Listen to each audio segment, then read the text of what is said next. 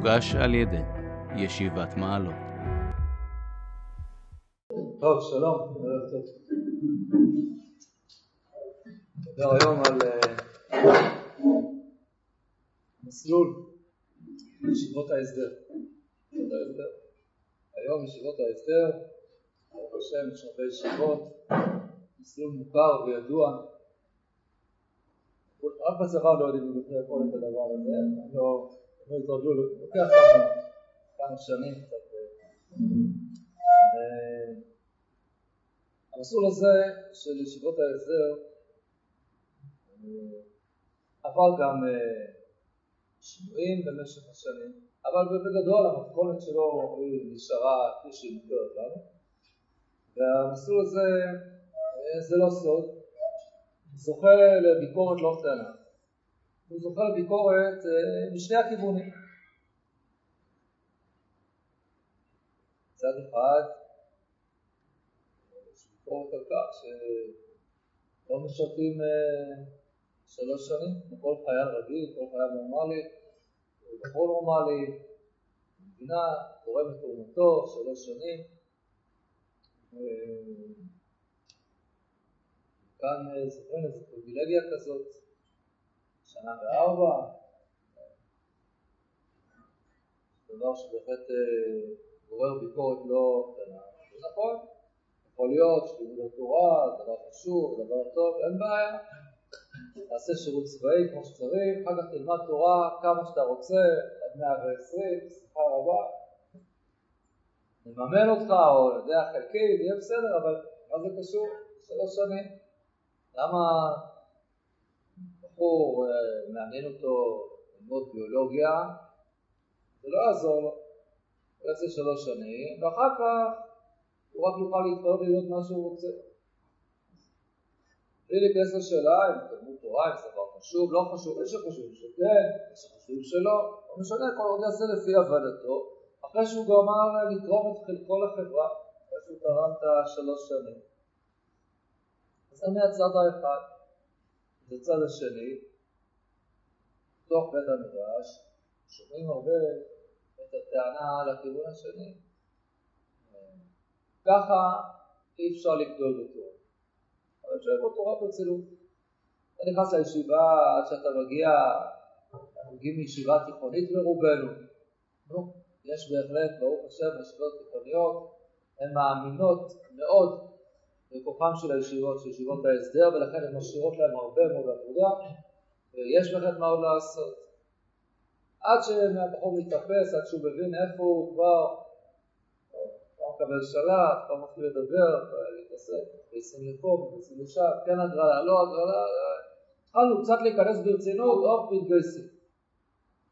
מתגייסים, לא הספקנו שום דבר, חוזרים מהצבא, איפה הראש לא בלימודים, הראש הוא ראש אחר לגמרי, נמצאים, אה, עשו מציאות שונה כל כך, רחוקה מהאהבה של בית המדרש, עד שמתאפסים חזרה כבר. אה, בישיבה אתה כבר נמצא עמוק באמצע שיעורי, וזהו, שיעורי, אז כבר אנחנו אה, עושים. אוניברסיטה, יש את הבגרויות, זה אולי באמת בעיה שלא קיימת בישיבת מעלות, מי שמגיע לפה זה רק מי שכבר אין לו מה לשפר לו בגרויות, אבל יש ישיבות כל אחרות, גם זה מסתכל. וזהו, משהו כזה שאתה בא, לומד קצת, מפסיק, לומד, מפסיק, זה לא רציני, אין זמן רציני, בתורה צריך להשקיע זמן, זה לא דבר שמגיע ככה מן האוויר, רק חושבים קצת מתנסים בישיבה, בישיבה וכבר מגיעים להישגים בתורה, לתורה צריך אדם להעמיד את עצמו באוהלה של תורה בצורה רצינית ולהשקיע בזה שנים טובות, הרבה מרץ, הרבה כוחות, ובצורה הזאת. בקיצור, מה שיוצא שישיבת ההסדר היא הסדר מצוין, חוץ מהמטרות החשובות שבשמם אנחנו רוצים את הצד הביטחוני לוקה וחסר, הצד הישיבתי לוקה וחסר, אז אולי אנחנו, ישיבות ההסדר, מגיעים למציאות שתפסת מרובה לא תפסת.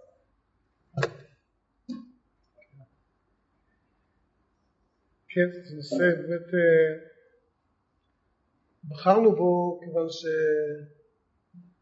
יודעים שאנשים חושבים על הדברים האלה דברים ידועים ונמצאים בתודעה של תלמידים, עכשיו בדיוק הגיעו חבר'ה מהצבא, אה, ויש בהחלט מקום להתייחס ולהבין, כתב הרב ליכטנשטיין מאמר, זאת תורת ההסדר, באמת להבין את המשמעות של העניין, אה, איך נולדו הדברים. אז האמת, צריך לדעת שכל המושג הזה של הסדר, אפילו אולי השם הזה, מלמד על זה שזה נולד, כמעט אפשר להגיד בדיעבד. כמו שנולדו ישיבות התיכוניות, כמו הרבה דברים שלא נולדו איזו יוזמה, שקם מישהו ואמר שצריכים לעשות ישיבה עם צבא וחשוב לעשות את זה בגלל שזאת האידיאולוגיה האמיתית שכך צריך לעשות. זה דבר שנולד מתוך איזשהו אילוץ. מצד אחד רוצים ללמוד תורה, מצד שני רוצים לשרת בצבא, אז איכשהו נולד, נולדה האפשרות הזאת שהיא בצורה כזאת של לעשות חלק כך, חלק כך, כמו שהיה בשעתו, זה היה חלק מהנחל.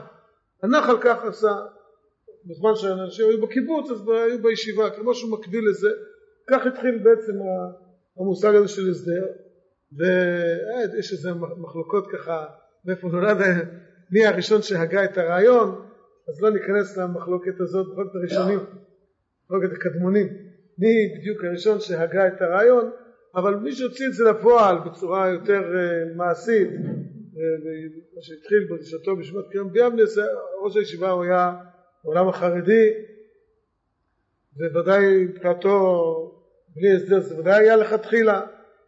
אני שהרבה פעמים שבישיבה הגיעו כמה וכמה פעמים, במשך השנים שאני הייתי בישיבה, כמה פעמים הגיעו, היה אז, עדיין הנושא הזה היה אז נידון, האם לגייס בחורי ישיבות לצבא או לא, והיו כל מיני ועדות שעסקו בעניין הזה, וכל ועדה שעסקה בנושא של גיוס בחורי ישיבות הגיעה לקרן ביבנה, לראות, הנה יש לנו הזדמנות לראות פה, ואז כמובן שבאו פנו לראש הישיבה, והוא כל פעם התחבט מחדש, מה אני אומר להם?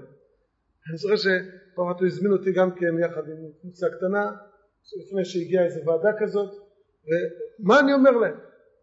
אני לא יכול להגיד שזה, שאנחנו לא עושים דבר נכון, אבל אני גם לא יכול להגיד שאנחנו עושים דבר נכון. הוא, הישיבות יקרות לו, הוא לא יכול עכשיו להגיד שהנה יש לנו פתרון. חס וחלילה, זה חס ושלום, הוא חושב.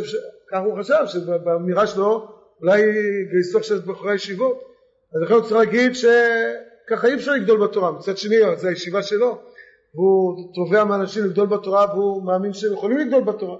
אז מה אני אומר להם? והתחבטויות, זה שיש סוגים כאלה של אנשים וסוגים כאלה, כל מיני, אה, אתה ראית, ממש התחבט, התייסר, לא התחבט סתם, התייסר ממש עם השאלה הזאת. וככה זה נולד, כך נולד דווקא עם, בצורה כזאת מאולצת, נולד ההסדר, ואולי, חשבתי פעם שאולי זה באמת ככה, זה, זה יותר תוצר אלוקי מאשר תוצר אנושי. זה לא שבני אדם יצרו וחשבו הנה כדאי לעשות דבר כזה, אלא זו מציאות שכאילו נולדה מעצמה, ולא מישהו הוליד אותה. ו...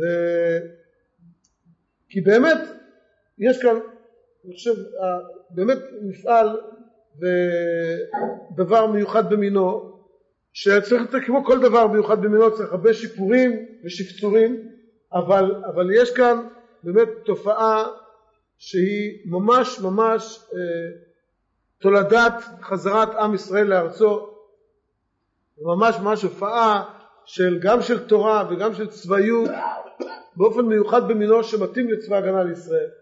אנחנו צריכים לדעת, אנחנו נמצאים באופן כללי, זה מלא גם בתורה ועוד יותר בחז"ל, תורה שבכתב ובתורה שבעל פה. הרבה הרבה נאמר על הנקודה הזאת כי השם אלוקיך מתהלך בקרב מחניך והיה מחניך קדוש. המציאות הזאת של קדושת המחנה, של הצד הרוחני, הקדושה, הצד הרוחני ש, ש, ש, שהוא זה שמוביל את עם ישראל לניצחונות. וחז"ל, על פי דברים שעל פי התורה ועל פי מה שמקובל אצל חז"ל, עוד העריכו הרבה יותר להבין מה סוד הניצחון של עם ישראל במלחמה. ובוודאי ובוודאי שסוד הניצחון, לא סתם סוד הניצחון, אלא יותר, צריך להדגיש אולי עוד יותר מזה את כוח ההרתעה. מהו באמת כוח ההרתעה של עם ישראל? אין שום ספק שבעולם, שכוח ההרתעה של צבא ההגנה לישראל וזכות הקיום שלו, היא, הזכות הזאת היא התורה, תורתנו הקדושה, התורה שהיא אה, נמצאת בתוך המחנה, כפי שאומר הנציב, ולעולם זאת על ישראל, ולוקחים אנשים מוכשרים לתורה ולתפילה שיצאו עם החיילים באוהלי שדה ושם שננו לשונם, חרב לשונם, בכל תורה. כך הנציב אומר בכמה מקומות את הנקודה הזאת, שזה, וזאת הנקודה המייחדת את צבא ההגנה לישראל מכל הצבאות האחרים, כי הוא באמת צבא הגנה לישראל, לעם השם, ויש לו את האופי המיוחד שלו. לפי שאין לי שום ספק שהאילוץ הזה שנולד, הוא נולד באמת בהשגחה פרטית אלוקית, שנולדה המציאות המיוחדת הזאת של שילוב ממשי של הצבא עם התורה, שהתורה מופיעה בצבא והצבא מופיע בתורה, והדברים האלה משולבים, אה, הולכים יחד זה בזה, או שלא זה הפשט הפשוט של ספרא וסייפא ירדו כרוכים לעולם, אבל אפשר להשתמש בביטוי הזה של חז"ל, שהספרא והסייפא ממש הולכים פה כרוכים אה, ביחד אה, במציאות המיוחדת של, של ההסדר. עכשיו אנחנו כדרכו של עולם רואים את הדברים מבפנים וככל שרואים את הדברים מבפנים רואים תמיד קודם כל את הבעיות, רואים את הקשיים וקשה מאוד לדבר גבוהה גבוהה על, על, על דברים גדולים כשאתה נמצא ואתה מכיר את הבעיות ומכיר את האנשים כאלה ואנשים כאלה כאלה שיותר רואים להסדר וכאלה שפחות רואים אבל זה לא ראייה נכונה זה לא, זה, תכף נראה מה הראייה נכונה חלקית, היא לא הראייה השלמה של הדברים. בלי שום ספק המציאות המיוחדת הזאת של ישיבות ההסדר, המציאות הזאת יצרה אופי מיוחד בעם ישראל וגם בצבא ההגנה לישראל. גם בצבא, שהצבא יותר מודע, מודע לדברים, מודע ל... לצרכים, מודע לצורך באמת אה, לשמור על קדושת המחנה. הדברים האלה קשה להניח שהם היו יכולים להיעשות אלמלא באמת אה, היו ישיבות ההסדר משולבים בתוך הצבא ממש, שהצבא אה, חייב לתת מענה לתורה. עכשיו יש כאן דבר שהוא מיוחד במינו בעם ישראל שמופיע ב... בדורות שלנו, וזה החוש, האינסטינקט, וגם אולי ההכרה, אבל, אבל ודאי ודאי משהו פנימי, שגם קצינים גבוהים וגם מנהיגים בישראל חשים, גם אם בעצמם הם לא שומרי תורה, חשים בכובד האחריות שלהם על הצמחת תלמידי חכמים ועל שמירת הרציפות של התורה בעם ישראל. וחשים בזה, פוגש פעמים רבות קצינים גבוהים וגם יצא ככה כמה שרי ביטחון כבר לפגוש וכולם בלי יוצא מהכלל, בלי יוצא מהכלל חשים בצורך העמוק הזה של, אה, של הופעת התורה בצורה הזאת. חשים בזה ורואים את כובד האחריות שלהם ואין להם, נגיד ככה בצורה פשוטה, אין להם את האומץ לפגוע בדבר הזה. יכולים לפגוע פגיעות כאן ושם, אבל, אבל באופן מהותי מבינים שיש כאן דבר שהוא הסגולה המיוחדת של עם ישראל. ויצא לפגוש יותר מפעם ויותר מפעמיים כל מיני אנשים חילונים, גם לא, לא רק בקשר לצבא, אנשים חילוניים רחוקים מכל מרחק, אבל הם מבינים, ויש משהו ש, שהם מבינים ש... הציבור שומרי התורה, שאלה שמופקדים על התורה ושהתורה מופקדת אצלם, צריך לשמר את הדבר הזה וצריך לשמר את הקשר איתם וזה דבר שהוא, שהוא בעצם משמר את עם ישראל. ומי שיקר לו עם ישראל, וזה רובם ככולם, מבין שעם ישראל אין אומה, אין אומתנו אומה אלא בתורותיה. האומה שלנו אין לה, כל אחד מבין אין לה שום זכות קיום ואין לה שום ייחוד ושום אה, סיכוי לשרוד בלי התורה. וזה מבינים, ועל זה עומד ההסדר. כלומר ההסדר עומד על זה שאין, מזמן היו יכולים לפגוע אם היו רוצים ולגייס לשלוש שנים את כולם, היו יכולים לפגוע בלי שום בעיה. אולי בחרדים, אז, אז, אה, יש ככה עוד את ההסכם של בן גוריון עם החזון איש, אז הם עוד, עוד איכשהו יכולים, אה, אבל בציבור שלנו הם מבינים שאנשים מתגייסים, לא פעם לא פעמיים אומרים את זה, הם יודעים שאם יתבטל ההסדר אז לא שאנשים יתגייסו לשל... רק לישיבות, אלא הרוב יתגייסו לשלוש שנים ולא ילכו לישיבות לתורתו אומנותו. כך הם מבינים, אני לא בטוח שזה יהיה ככה, אבל, אם זה היה קורה, אבל, אבל כך הם בטוחים.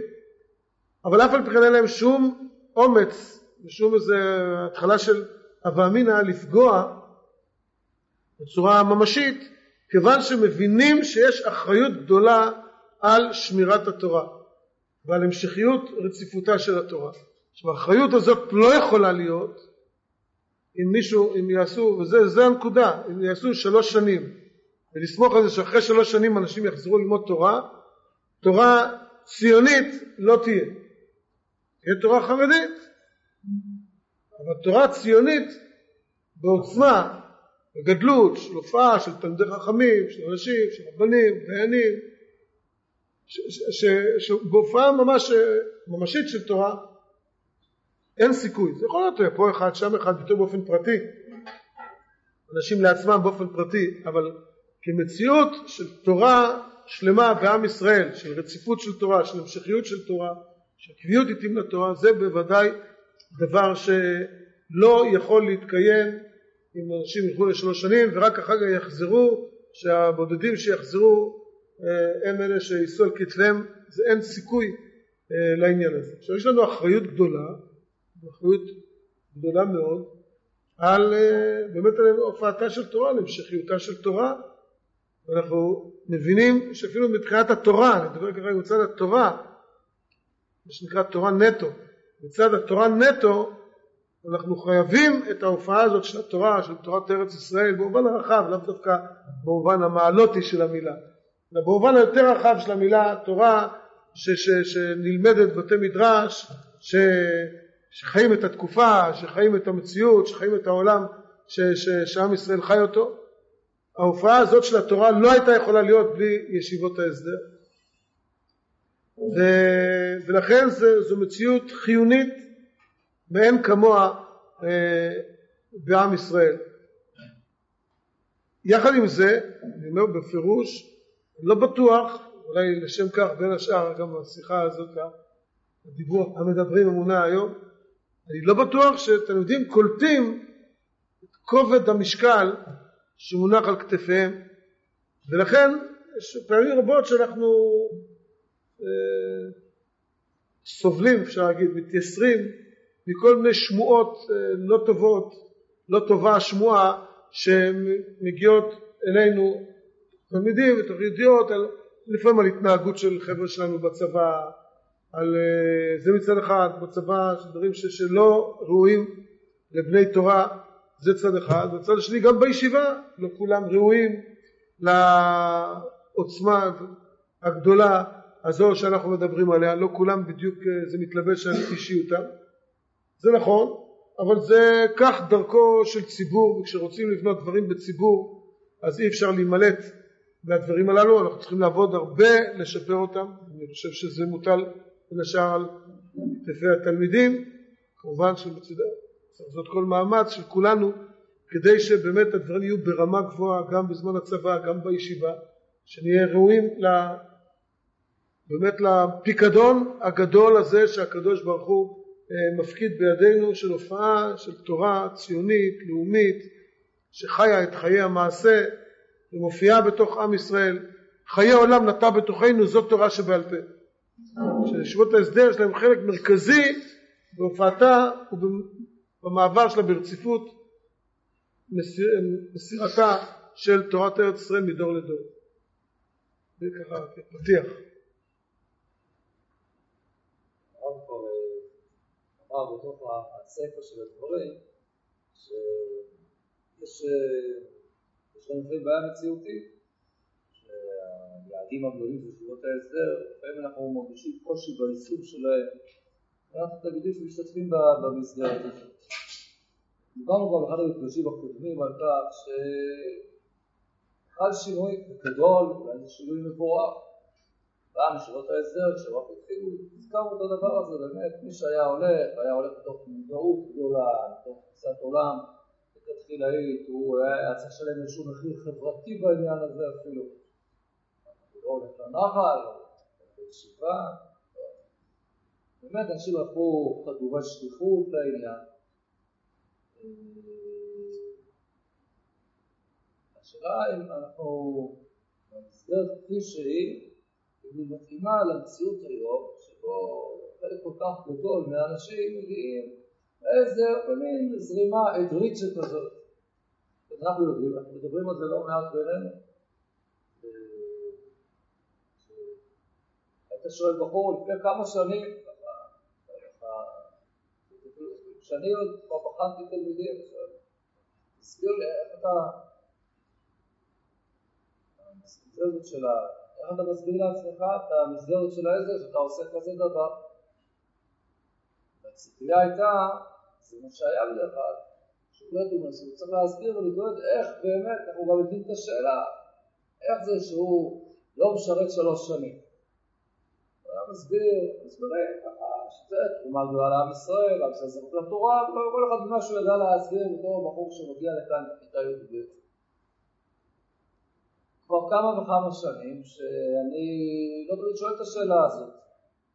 ולפעמים אני מקבל תשובות, הוא הבין שהשאלה היא הפוכה.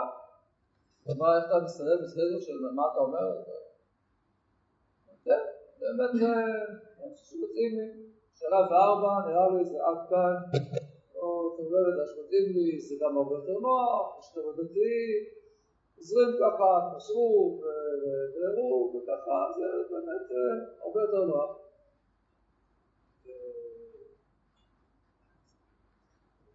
יום ראשונות ממש הרגשתי כל מהדוח בעניין. קודם כל שחבר'ה כבר חושבים כך, חלק כבר חושבים כך, ולא פחות מזה, שהוא לא חושב שזה יהיה לו לרועץ כשהוא עובד למבחן ומספר לי את הדבר הזה.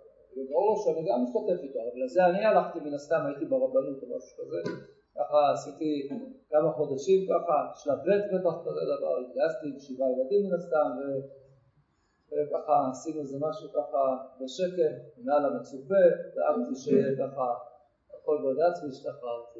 ואני בטח מבין אותו כבר שהוא מדבר, שנה וארבע. אז אנחנו לא יודעים, אני לא יודע להגיד במספרים. השאלה מבחינת המציאות, האם הרב לא חושב שנוצר פער גדול בין, ה... בין האידיאל לבין העירוב, בין התוצאות בשטח. זה נכון, ככה, עשו התרשמות. אפשר לדון על המציאות, אני גם על הרשע של הדברים, לא יודע איזה תקופות, אבל נגיד בתקופה שהייתי בהסדר, אומנם זה לא היה בראשיתו, אבל כמה שנים אחרי שהוא כבר התחיל, אבל עוד הכרתי, אני חושב, את הדי, את האנשים הראשונים שהתחילו את זה, פחות או יותר שנים הראשונות, הכרתי אותם, אבל יותר הכרתי את המחזורים שהייתי שותף להם, כמה שניים שלושה מעליי, שניים שלושה מתחתיי. אני רוצה להגיד לכם שהתלמידים היום, אין לי שום ספק, יותר טובים מאשר התלמידים שהיו אז. אל תאמר שהשנים הראשונים היו טובים מאלה כי לא מחוכמה. זו מחוכמה, שאלת על זאת, זו מחוכמה אתה אומר את זה. בפירוש התלמידים היום בצורה כוללת יותר טובים באים אלא מה? אלא מה? יותר טובים, בוא נגיד בלי לפרט יותר מדי אבל אלא מה? ההבדל היסודי, הבדל יש, ההבדל הוא לא באשמת אף אחד, יש הבדל בין הדורות, באמת השיח בדור שלנו כשאני הייתי נער צעיר, השיח שדיברו תלמידים, אנשים דיברו ביניהם היה שונה לגמרי באווירה, ברחוב, הזכרתי לא מזמן, נגיד על מושג של ירידה מהארץ, ללכת לטיול לחוץ לארץ. זה היה בושה, אנשים הסתירו את זה, אנשים לא סיפרו דבר כזה. שהתביישו בזה. ילד, ההורים שלו נסעו לטייל גורם, הוא התבייש בזה, הוא לא, הוא לא סיפר את זה לאף אחד. היום להפך, היום מי שלא נוסע, אתה מתבייש בזה, ולא מספר לאף אחד. זה, זה השתנה, השתנה בדור, דברים, השיח שונה, וגם זה אני לא בטוח שהוא לרעה בג... בגדול, אבל בשלבים הראשונים קצת אנחנו סובלים מזה. פחות אידיאליסטים, הרבה פחות אידיאליסטים. אנשים לא, המושג, לדבר על אידיאלים, המושג כלל ישראל, כשלנו הזכירו כלל ישראל, זה עשה לנו ברק בעיניים. והיום אתה אומר כלל ישראל, אנשים, אה, זה סיבה מסוימת להירדם בשיחה או בשיעור שאתה מדבר על זה. אצלנו זה היה מעורר, זה, זה היה דבר חידוש, וואו, כלל ישראל, זה מושג, מושג חדש, מושג, זה הדליק אותנו והניע אותנו. והיום המושגים האלה לא מניעים, זה לא שאנשים פחות טובים, זה הדור כזה, וצריכים לראות את השפה ואיך באמת מדברים עם כל תקופה, בכל, איך מדברים האנשים בכל תקופה, בכל דור, אבל הרצינות, הרצינות והכניסה של האנשים אה, לתורה, עם כל הקושי, אני אומר בפירוש, אני, כל פעם אני אומר את זה, אם, אם לי היה את הפיתויים, כל המכשירים והעניינים שיש לנוער היום, אין לי ספק שלא הייתי יושב עכשיו לפניכם פה. אין, לא רואה בכלל איפה אנחנו היינו, בכלל, לא היה לנו על ההתחלה של הפאמינה של דברים כאלה בכלל. זה, זה, זה, זה, זה באמת דברים ש... ש ואני אומר, אחרי כל הדברים האלה, ואחרי כל הפיתויים שיש ברחוב, וכל המהומה והפרסומות, וזה, שוטפים אותך מכל איפה שאתה רק אה, זז, ואחרי כל זה, אלפים באים והולכים לישיבות, זה פשוט, זה באמת דור גדול, אנשים גדולים. אני אומר לכם, זה ניצן, שתבינו שאחריות גדולה רובצת על כתפיכם, כי, כי אתם אנשים גדולים, דור גדול. ככל שאדם גדול, יצרו גדול ממנו, ויש במקביל באמת את השאלות, את הבעיות. אבל זה בהחלט דור גדול. עכשיו בזמני, אני אומר לכם, בשיעור שלי, בשיעור שלי היו צריכים לדבר עם התלמידים, זה אני זוכר את השיעור שהיה לא ללכת לים מעורב. צריכים לדבר. אז אני זכיתי, ובכיתה ט' היה לי רם שככה דיבר והשפיע עלינו מאוד. בכיתה ט' היה רם שהשפיע עלינו לא ללכת לים מעורב. זו הישיבה שאני הייתי בה, ישיבה בנתיב מאיר, זכיתי שבכיתה ט' פגשתי את הרם ש... שאמר לי את זה. אבל uh, מי שלא היה, ישיבות אחרות שלא היה להם את, לא עברו דרך רם כזה, בישיבה היו צריכים לדבר ותלמידים התווכחו עם אותו אברך שדיבר איתנו על הדבר הזה, תלמידים התווכחו בשיעור על הדבר הזה. פתאום, למה? וזה זה דברים שהיו פעם, זה, זה, זה חבר'ה שהגיעו לישיבת הסדר, כבר זה לא, זה לא שהיה, זה ככה כל מי שהגיע היה, היו צדיקים יסודי עולם. אז, אז לכן אני אומר שראיית ההבדלים האלה בין הדורות צריך לעשות בסדר וצריכים את להבין את תהלוכותיו של כל דור ודור אבל בהחלט הדורות שלנו לא פחות מהדורות הקודמים והם ראויים לא פחות אלא הרבה יותר ראויים להסדר. אלא מה? בפירוש יש דברים שונים, בתוך האלפים האלה נכנסים כל מיני אנשים, כאלה שיותר ראויים ופחות ראויים, לכל המציאות הזאת של, של לימוד התורה וה, והפטור הזה מחלק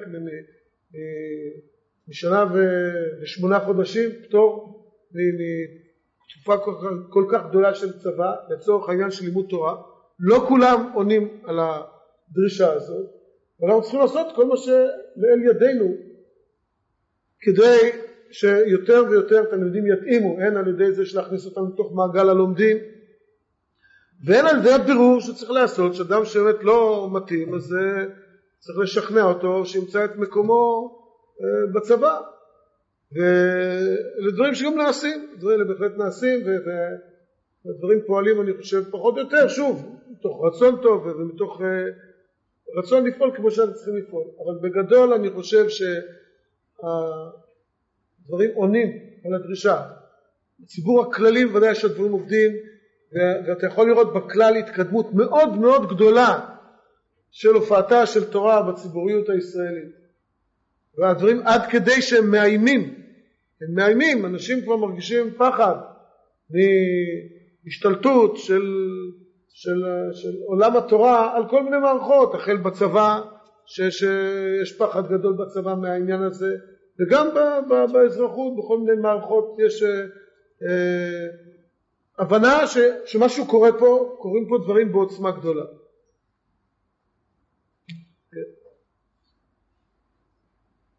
הרב הזכיר את העניין שציבור הכללי, בוודאי בצבא, בגדול יודעים להעריך את הדבר הזה ויודעים להבין את חשיבות העניין.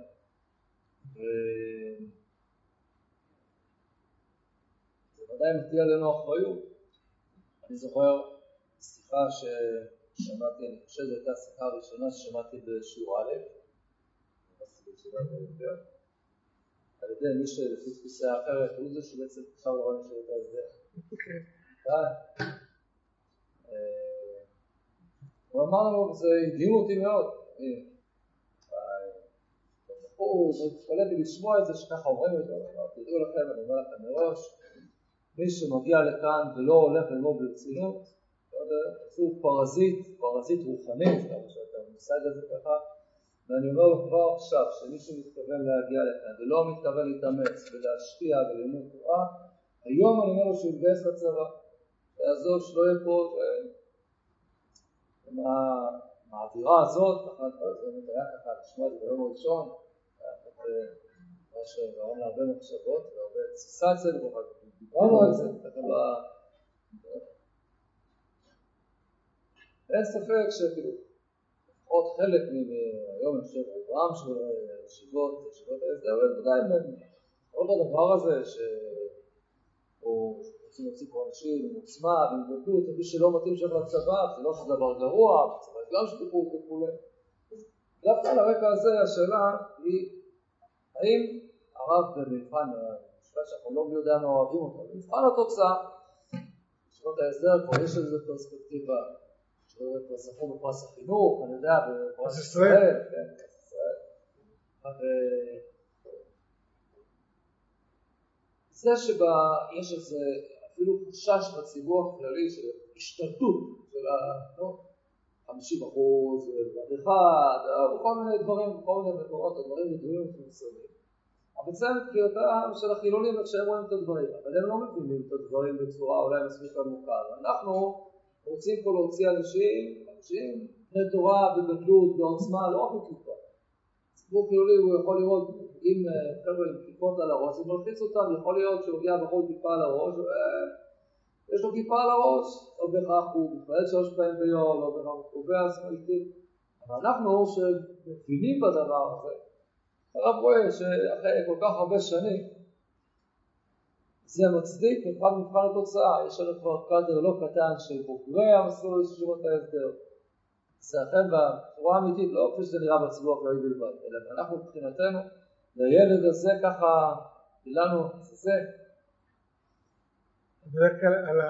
על שאלה כזאת אני בדרך כלל עונה בשאלה כמו יהודי טוב, עונה בשאלה. לי כמה פעמים שאני שואל, כל מיני דברים, נראה לך זה הצליח או לא הצליח, אז תמיד אומר, תגיד לי, מעמד הר סיני הצליח או לא הצליח? ואנשים, כשאני אומר להם את זה, חושבים לשנייה, שהצליח או לא הצליח, ריבונו שלם, זה הקדוש, זה הקדוש ברוך הוא עשה, מה אתה ספק שזה הצליח? ודאי הצליח, על זה אין ספק, מה אתה חושב בכלל? מעמד הר סיני בטוח הצליח. אז זה מראה לנו שקשה מאוד לבחון הצלחות. קשה מאוד לבחון מה אנחנו בעיני הבשר שלנו יכולים לבחון הצלחות. אף על פי כן אנחנו מחויבים איכשהו אה, לראות האם באמת זה מצדיק ויש גם תוצאות אה, גדולות וטובות אה, או שלא יצא מזה שום דבר.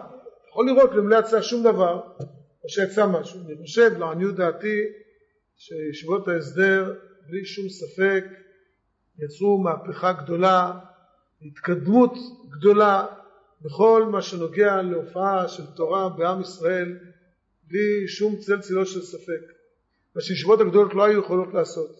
למשל, כניסה של אנשי תורה לכל מיני מערכות, של התעשייה ושל הכלכלה ושל הפוליטיקה ושל המשפט. כל המערכות האלה אה, נמצאים היום בוגרי ישיבות ההסדר ויש להם השפעה מאוד גדולה, השפעה מאוד גדולה ועוצמה, לא סתם מפחדים, אני אומר, זה מפחדים, סתם מישהו אמר לי לאחרונה, בוגר הישיבה אה, שהיה פה בשבת של הבוגרים, שסיפר לי מישהו שהוא מכיר ש, שנמצא במערכת המשפט, פרקליטות, אומר שהרוב שם אנשים דתיים, אנשים דתיים, אחד מהם משנה ליועץ המשפטי, מעלות, כן, בישיבת הסדר, שאפילו בעניותי אני שלחתי אותו לאותה ישיבה, כן, מפה, כשהגעתי בשנה הראשונה, אבא שלו בא להתייעץ איתי, ואמרתי לו ללכת לישיבת הגולן שמשם אני באתי, אז ובוגר אה, ישיבות ההסדר שנמצא שם אה, וכן הלאה, זו הדוגמה, זה נמצא למעלה יותר, אבל ממש אומר שהרוב, הרוב אה, ריבוי גדול, לא יודע הרוב, ריבוי גדול מאוד של דתיים, של מניין ושיעורים מי שראה את התמונות, מה שקורה סביב ראש הממשלה כל הדברים האלה לא קורים לבד. יש משהו מאוד גדול מלמטה שצומח בכל המערכות של, של, של, של מדינת ישראל שהמערכות הללו מאוד מושפעות מתורה.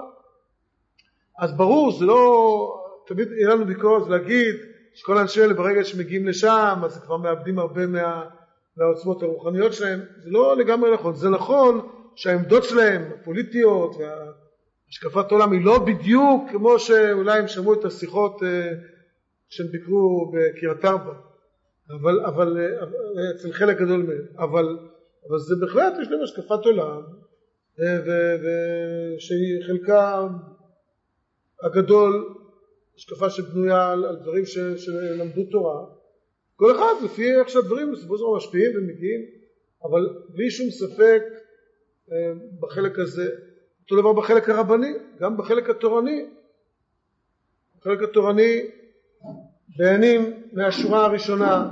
אז לא תמיד הקונסטלציה הפוליטית נותנת להם להגיע למקומות שמגיעים אבל דיינים מהשורה הראשונה בעלי השפעה גדולה מאוד של דיינות הם בוגרי ישיבות הסדר. רבנים רבנות ישיבות אין מה לדבר ודאי בישיבות ההסדר ההשפעה וגם בתחומים גם בתחומי תורה של מחקר של תורה וכתיבה וכל המערכות הללו גם בהחלט בוגרי ישיבות ההסדר קחו דוגמה, אתה יודע, ספרים של הרב סבתו, הרב סבתו, כהופעה של תורה, של שילוב של תורה עם הספרות, עם כל המציאות שלא הייתה יכולה להיוולד, לא היה דבר כזה נולד אלמלא המציאות המיוחדת הזאת של ישיבות ההסדר. כל ה... וכן הלאה, רבים וכן טובים, כל ההופעות האלה, יצירות גדולות ודברים גדולים שנוצרו לא היו קיימים אלמלא אה, היו, הייתה המציאות המיוחדת הזאת של ישיבות ההסדר. לכן בהחלט אני חושב שה, ש, שיש תוצאות מאוד גדולות. עכשיו להגיד אם זה פרופורציונלי לכמה שבאו וכדומה, אז קשה מאוד לבחון את הדברים הללו. זה מותיר לנו הרבה מאוד עבודה. זה לא שאפשר לנוח על, על, ה, על התחושות הנעימות הללו של הסיפוק הזה ש, ש, של ההצלחות, הרבה עבודה, בחינוך אף פעם אסור להיות מרוצים, תמיד צריכים לשאוף ליותר ויותר, ובהחלט אה, שואפים, וצריך הרבה עבודה, ואני אומר שוב, אחריות גדולה מונחת גם על כתפיכם החזקות והגדולות, ו... אבל בהחלט אני חושב שיש כאן נקודות ציון שמורות על דרך גדולה, יפה, ותורנית, עוצמתית, שבהחלט אה, צריך לתת לה את הכוחות להמשיך הלאה. נקודה אחת, שאולי ממרום הדבורים ככה באידיאל שלהם, קצת במציאות של החבר'ה שלנו, החבר'ה שלנו בצבא, נפגשים עם אה, חיילים שמשרתים שירות רגיל, בדרך כלל אה, זה הסגל שלהם, ולא אחת זה עולה לדיון. באמת אה, מרגישים נוח ובנוח, כי כמו שמתקרב אה, זמן שחרור, אז לפעמים הלחץ עולה, לפעמים חבר'ה שלנו אומרים בטעות, לפעם איזשהו משפט אה, שלא כך מתאים, אבל גם בלי זה, עצם העניין, וגם לגופו של עניין, אם שואלים אותם, חבר'ה שמשרתים איתם ביחד, בחורים, חיילים, רגילים, פשוטים, מפקדים, צעירים, לשמוע כל מיני השגות על המשמעות של התורה לעם ישראל, לא בטוח שגם קצין בדרגת מ"פ, אמנם הוא הסגן של הקדוש ברוך הוא, אבל זה עדיין לא בטוח שהוא מבין מה זה התורה לעם ישראל, אולי כבר הוא תחושה שיש לו. אבל אה, מה, הרב היה מציע לחבר'ה שלנו, איך, איך מתמודדים בהתמודדות הזאת, זה באמת בשטח במציאות היומיומית, כאשר זה עולה לדיון. זה מאוד מאוד קשה לתת איזשהו הסבר שמניח את הדעת אה, גם כלפי חיילים שמשרתים בשירות רגיל. גם, התשובה לזה גם כן אה, נמצאת באידיאל, נמצאת בפסים המעשיים. באידיאל אני חושב שאין בעיה מה לענות. אני חושב שהייתי אומר לו בוא נתחלף. יש סיפור מפורסם של הרב כהנמן. הרב כהנמן זר צדיק לברכה היה ראש ישיבת פוליבוש. וכשבנו את הישיבה, אני בילדותי זוכר כשבנו חלק מהישיבה, שבנו, רואים זה נמצא על גבעה גבוהה בבני ברק, שאתה יכול לראות את זה ממרחקים, בנו את ישיבת פוליבוש.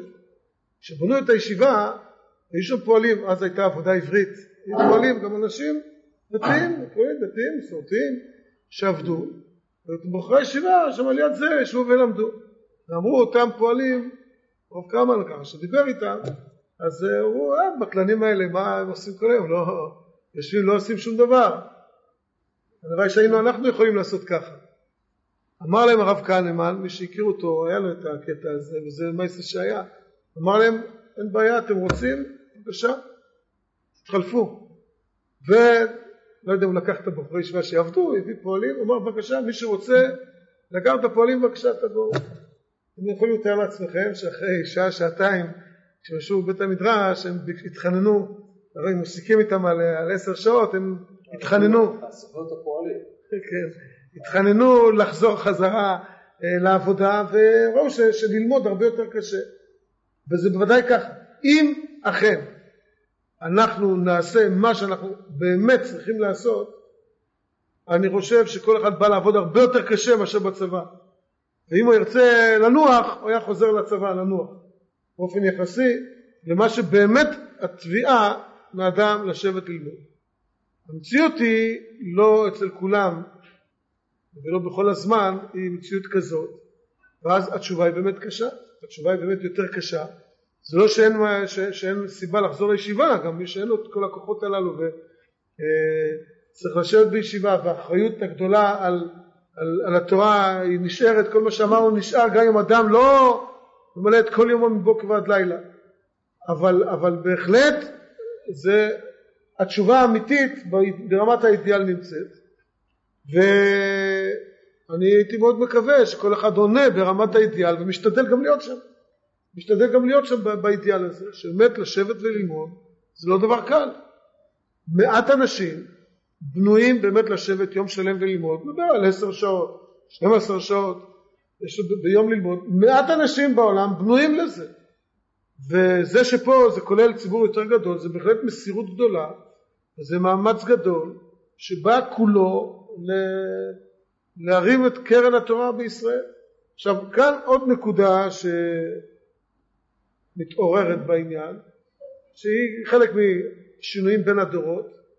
אני חושב שהיום פחות אנשים חשים, קצת פחות, אולי חשים שהם לומדים תורה זה הצלת כלל ישראל. רבים מדברים לא דווקא על הנוחיות, אלא אפילו בצד של התורה, של לימוד התורה, על מימוש אישי, על התחזקות אישית, על התגדלות אישית בתורה.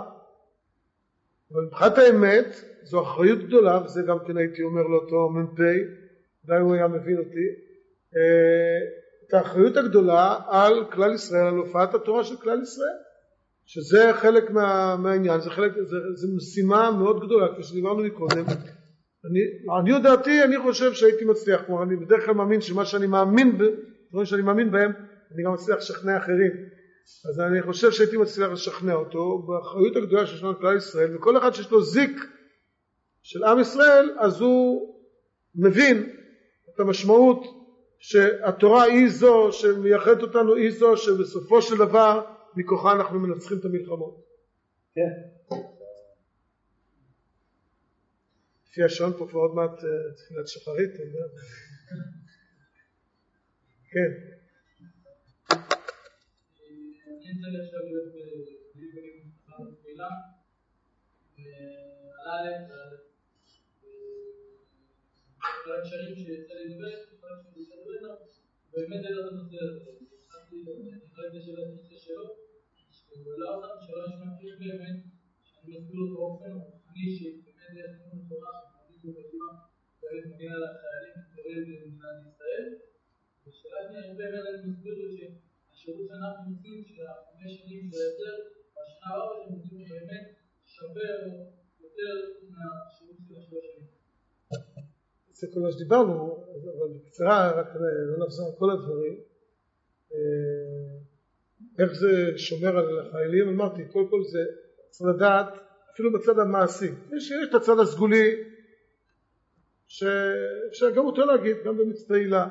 כלומר, שיש גם את הצד הסגולי, עם ישראל, יש לו שליחות בעולם, לזה אנחנו פה, באנו פה לארץ בשביל השליחות, המשמעות של עם ישראל היא בתורה, ואם לא יהיה לנו את המשמעות אז לא יהיה לנו קיום. זה קיומנו, גם בצד הסגולי, אבל גם בצד הממשי. כוח ההרתעה שלנו מותנה בעוצמה הרוחנית, ואני אומר לכם שהם מדברים על זה. אויבינו מזכירים את זה, ומי שיצא לי כמה פעמים לשמוע את הנאומים, לשמוע, לקרוא, לא, אני לא, לשמוע לא היה עוזר לי, נאומים של, של נסראללה יימח שמו, והם מדברים על זה. הם מדברים, מה שנותן להם המון המון כוח זה דווקא החילון שקיים במדינת ישראל, והעובדה שמנותקים מתורה. ומאוד מפחיד אותם, מפחידה אותם העובדה שיש עוצמה גדולה של תורה, ועוד יותר שהיא קשורה לצבא. והם יודעים את זה ומדברים את זה. זה לא סתם שהקטיושה פגעה פה קרוב. ניסו לפגוע בישיבה. אז הוא פגע בפיצה. יכול להיות שהם גם כיוונו לשם, לא יכול להיות שהם גם כיוונו לפיצה, אולי בדיוק היה איזה משחק או משהו, יכול להיות שהם כיוונו לפיצה אפילו, ו... כיוונו, חשבו שם נמצאים הבחורים, על כל פנים, על כל פנים, זה, הם מודעים לדברים האלה, זה, ובהחלט יש כאן עוצמה גדולה של כוח הרתעה של עם ישראל. שנה וארבע, אז זה כבר התשובה גם לשאלה השנייה, נדמה לי, איך שאנחנו עושים את זה בצורה הזאת, ש, שאנחנו מבינים שאין אלטרנטיבה אחרת כדי לשמור על הרצף ועל ההתגדלות בתורה מאשר הצורה הזאת של המסלול. זה פשוט לכולם, וכפי מה שדיברנו מקודם. כן.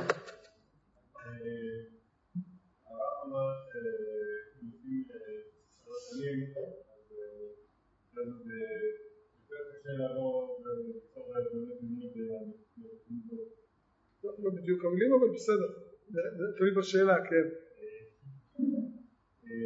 עכשיו לא הייתי לא שלוש ולא שנה הבאה בצבא, ואני לא יודע מה ההשפעה של זה, אבל קצת שונה מהטענה שכנגדה שבוע שעבר הרב יצא את השניקה, מיליון מתלבט, הנושא הזה יהפוך אותו בש"ס. אם זה אמת, אם האמת שאני גם צריך לעשות שלוש שנים וגם צריכים אותו על מצוינות, אז אני אשאר שפתיים, ואני גם מצוינות וגם שלוש שנים. ואם האמת שאני צריך וגם ש"ס, אני ש"ס. גם אם זה אולי לך את בידע בנוער. לא רואה בדיוק את הקשר בין המוזרים והש"ס, אבל כלפי עצם הנקודה הזאת, בצורה פשוטה, זה לא שאי אפשר, לא, לא, לא אלה המילים ש, שנאמרו. כלומר הנקודה שנאמרה שבפועל, אני מדבר כרגע בפועל בצורה פרקטית מאוד, בחור בוגר ישיבה תיכונית שיעשה שלוש שנים צבא באופן פשוט 90 אחוז לא יחזרו אחר כך ללמוד וזה לא יהיה פשוט לא יהיה לא שאי אפשר או יהיה.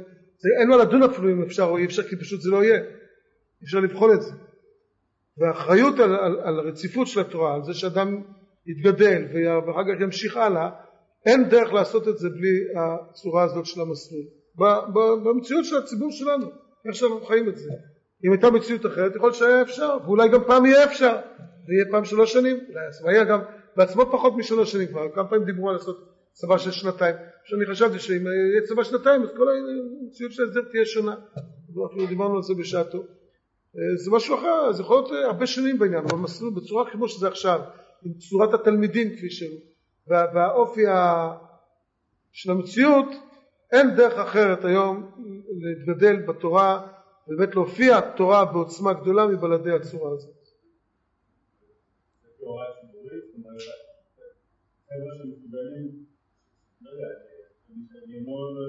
אני אומר שוב, בצורה פשוטה, אדם לא... ודאי, זה דבר ציבורי, לא פרטי. אם אדם אה, ידור נדר ויישבע שבועה, שהוא אחרי הצבא חוזר, אחרי שלוש שנים חוזר, ועוד אחרי שהוא יגמור את הצבא עוד יהיה אכפת לו משבועה ומנדר, אז, אה, אז, אה, אז אין בעיה, אז הוא יכול לעשות את זה, יכול להיות שכן. אבל אם זה לא בשבועה או בנדר, אלא סתם בצורה כמו שזה קורה בדרך כלל, זו מציאות, כפי שאנחנו מכירים אותה, היא, היא לא כזאת שאנשים יחזרו. שוב אני אומר, מרבית הציבור, לא בודדים. האחריות היא אחריות על, על, על כללית של תורה. עכשיו גם כל אחד לא יודע איך הוא יגיב, אני מכיר רבים, רבים דיברו על זה שיחזרו וכולי וכולי, ובפועל זה לא קורה. וזה אני מכיר, יכול להצביע על, על רבים כאלה, כל אחד אמור להיות כזה אם הוא מהרוב.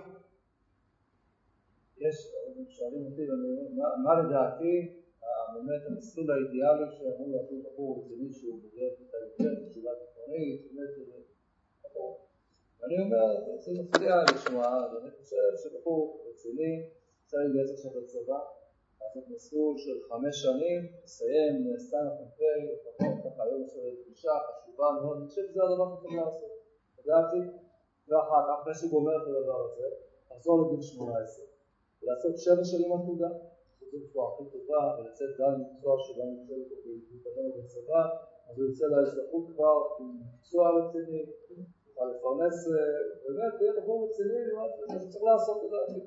אחר כך לחזור לגיל 18 ולהישאר כמה שנים טובות במסלול של ישיבת הסדר, ולהיות רן קודש. אז עובדים על זה, מיטב המוחות עובדים על המתכון הזה, אבל זה לא בדיחה, יש כאן באמת בעיה. זאת אומרת, האם אנחנו לא מבינים שמציאות גם היא מגדירה אידיאל. נכון, השנים הללו הם השנים, אנחנו מתחתן, מבחינת המשפחה, תקופה מאוד מאוד מאוד מרכזית להרבה מאוד דברים. הרבה מאוד דברים, ואי אפשר את הכל לעשות ביחד. הרבה מחשבה הושקעה, גם על ידי הישיבות, ולא פחות מזה על ידי מערכת הביטחון, באמת בהסדר הזה. הרב אני מזכיר, אני לא שאלתי ישירות ממנו, אבל שאפי, הראש הכתוב שלו, אבל ישיבות ההסדר, הוא אומר שאני רוצה לקרוא לזה ישיבות הסדר. זה הסדר הנכון של הופעת הדברים, זה נשמע כמו כמעט כל אמונות יותר אבל זה בסדר, משהו, מה זאת אומרת? בגדול, אני מדבר על המסלול הקרבי, שזה אגב דבר מדהים, הצבא מביא אותו לדבר, אתם לא יודעים או לא, לא כולם יודעים, מה האחוזים באמת, מה היחס בצבא בין חיילים קרביים, קרביים לבין חיילים שלא קרביים, זה היה פשוט, אחד לשבע, אחד לשמונה, כלומר על כל חייל קרבי יש שבעה שמונה חיילים שלא קרביים, זה המצב הדוגמת, זה לא המצב הבריאותי, או ההתחלקות של הפרופיל, לא שרק אחד משמונה יש לו פרופיל קרבי במדינת ישראל, כולם מבינים שזה לא כך, אלא שידוע שחלק לא מבוטל מהאנשים שאומנם יש להם פרופיל קרבי, לא מתאימים, פעם במבנה הנפשי ועוד כמה וכמה עניינים, לשרת במדינת ישראל בשירות קרבי. לא פשוט, לא כל שירות קרבי אוטומטית, באמת ברוך השם זה נס מדהים. עדיין יש כזה ביקוש גדול לגודל קרביות ולאחרונה עוד פעם אני שמעתי שיש איזה התגדלות מחדש אבל זה ירד קצת, ברוך השם, עם ישראל מדינה של צדיקים, גם מי שלא חובש כיפה. אבל, אבל זו המציאות, אין מציאות כזאת, כמו שקורית בישיבות ההסדר. שבאופן עקרוני, כל מי ש... כל אחד לפי הפרופיל שלו עושה את המקסימום שהפרופיל הזה מאפשר. אין דבר כזה בשום מקום אחר. דבר מדהים, דבר מדהים. אבל יתרה מזה, ניקח רגע את השירות הקרבי, למרות שגם בשירות שהוא לא קרבי הדברים דומים, ובשירות הקרבי יותר קל מרגע לאפיין את זה. הצבא, כמו כל דבר, מתחלק בצבא, יודעים, שלושה חלקים. יש את התחום, השלב הראשון, השלב של טירונות עד ההכשרה החילית, עד שמכשירים את החייל להיות חייל לוחם. זה מסלול, הוא עכשיו טנקיסט או שהוא תותחן, או שהוא סתם חירניק, יש לו דברים כאלה, כן, הטייס, זה שלב ראשון, הוא לוקח פרק הזמן שלו. והחלק השני של השירות בעצם הוא מחולק לעוד שני חלקים, חלק אחד של אימונים וחלק אחד של תעסוקה. כאן.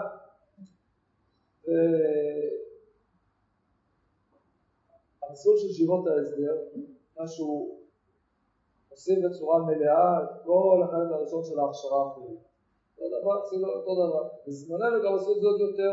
זאת אומרת, כשאני הייתי בתור חייל בסדיר וזה, לא היה לנו, לא, לא יודע, היו כל מיני סדרות אה, חינוך, והיה לנו בכל השירות הייתה סדרת חינוך אחת, לא אמרו, אתה לא מגיע חבל לזמן, אתם משרתים פחות, כתוב, וטיפלנו את זה, שירות בהבנה, אתה יודע, בכל אופן זה החלק הזה של ההכשרה עכשיו על חשבון מה אנחנו מורידים? על חשבון האימונים והתעסוקה.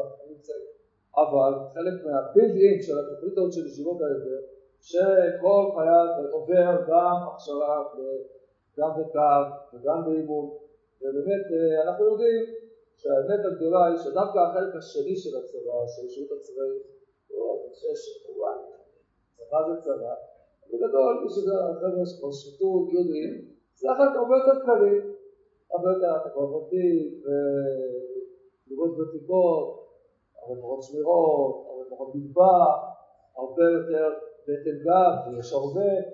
את הדבר הזה נטו, מהדבר הזה אנחנו מורידים, נכון? אנחנו באמת גם עושים פחות תעסוקה ועושים קצת פחות לימודים, זה לא נכון.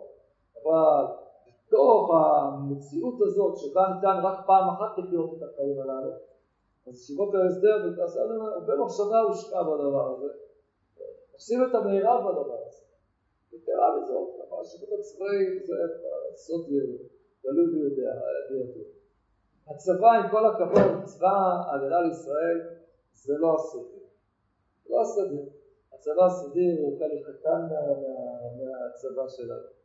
ומי שקצת, מי שנמצא כבר בצבא, יכול פתאום לעשות איזושהי הערכה ולהגיע מהר מאוד למסקנה כמה חיים יש לנו בצבא הסדיר. לא קשה לעשות את החשבון, פלוס מינוס, ופתאום כשלראשונה מתגלים לעבודות די נחמדים. זהו, וזה הרבה פחות ממה שחושבים, אני רק אומר לכם, זה כבר לא מתנשא, אבל שחילקו נשק למשטרה הפלסטינאית, היה דבר כזה, הסכמי אוסלו, אתם זוכרים? מדינת ישראל נתנה נשק למשטרה, לא חיילים חס וחלילה, משטרה, לי רושמים דוחות, משטרה פלסטינאית, למי ששאל יודע לפה.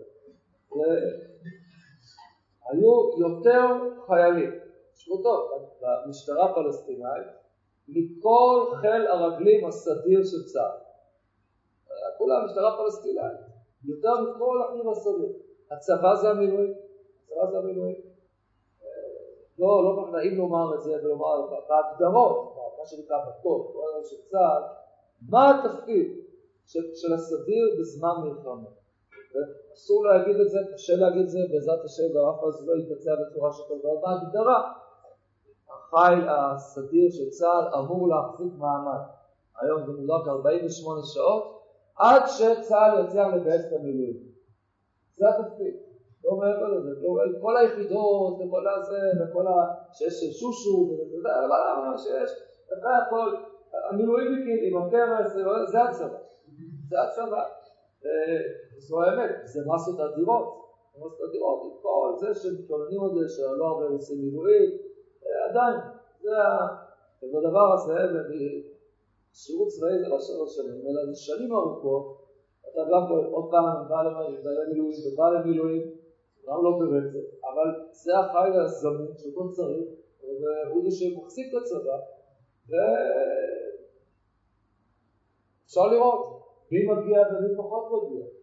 וההתייצבות של החבר'ה של בוגרי ישיבות ההסדר במילואים לאין ארוך, בפרופורציה בכלל בלי פרופורציה, אבל המספרים שהם משרתים בלי לקטל, אבל זו האמת, זו המציאות. בתוך המציאות הזאת, אז כל זה רק מהבחינה הצבאית, בלי שאנחנו מסתכלים באמת ואז בפועל מה הצד הרוחני, הצד התורני, שאמרו דבר אחד, שזה דבר מאוד מאוד חשוב. אחת ההצדקות המרכזיות היום של ישיבות ההסדר זה איך שנראית החברה, קצת רמז לעניין הזה, איך נראית החברה. והאחריות שיש לנו לחברה אחראית במדינת ישראל. איך נראים יחסי עובד מעביד, איך נראה המשרד, משרד של עורכי דין, של רואה חשבון, מנהל אה, משמרת אה, במפעל, איך זה נראה שם? איך, איך נראה, איך נראית אה, אספה של הורים בגן ילדים, איך זה נראה, על מה מתמודדים, מה מבקשים, מה דורשים, מה התנהלות, איך נראים יחסי שכנות, איך נראים יחסים בין איש לאשתו, בין הורים לילדים, איך זה נראה ברשות הרבים, איך הדבר. ובבחינה הזאת אי אפשר להעריך בכלל את התרומה האדירה שיש לאדם שהיה בזה ישיבת הסדר ולמד כמה שנים, ובזה עשה רק את החמש שנים עליו. ואנחנו אולי לא מתפעלים, הוא לא, לא היה מראשי המתמידים. אנחנו מכירים סיפורים על גבי סיפורים. אנחנו מופתעים מחדש לטובה, אתה שומע כל מיני סיפורים על, על בוגרים שלנו. שלא בהכרח היו פה ככה בשורה הראשונה, ולא תמיד חשבת שזה, הרבה תחושות, לפעמים אפילו תחושות קשות. אחרי כמה שנים, שנים האדם מתייצב, יש לו מקום עבודה, מקום מגורים, עם משפחה, אתה רואה, מה הבן אדם הזה, מה הוא עושה, ומה הוא תורם? הוא תורם לחברה בצורה שבאמת לפעמים דברים מדהימים, כמה זה, כמה זה השפיע עליו, כבר עשה, וכמה זה תורם. היום בצבא ביצע הערבים מבינים כשגם הוא נזכר. תראו, אנחנו נלחמים מול החיזבאללה בצפון, והחמאס, החברים כאן בעזה. מה הם בכלל? עד צבאית, מה? אין להם נגמ"ש, אין להם מסוק קרב אחד, אין להם מטוס קרב אחד. ואילו אנחנו, הצבא הכי גדול במזרח התיכון הכי חזק בעולם, בגלקסיה, משהו כזה, פשוט. ואנחנו לא מצליחים לנצח אותם. את החיזבאלונים האלה של זה שבצבא, היום הם קצת גדלו מספרים. אז הייתה תקופה שהם שיגעו אותנו לפני, לפני שבאמת דבר משפיע, הייתה תקופה שהם ירו עלינו, החיזבאללה בצפון מנה 600 לוחמים. 600 לוחמים, שדה חוטף. החזיקו, ולא הצליחה מדינת ישראל להכריע אותה. מה יש שם בעזה? זה היה מלחמה השנייה, הייתה מלחמה קשה מאוד מבחינת התוצאות שלנו.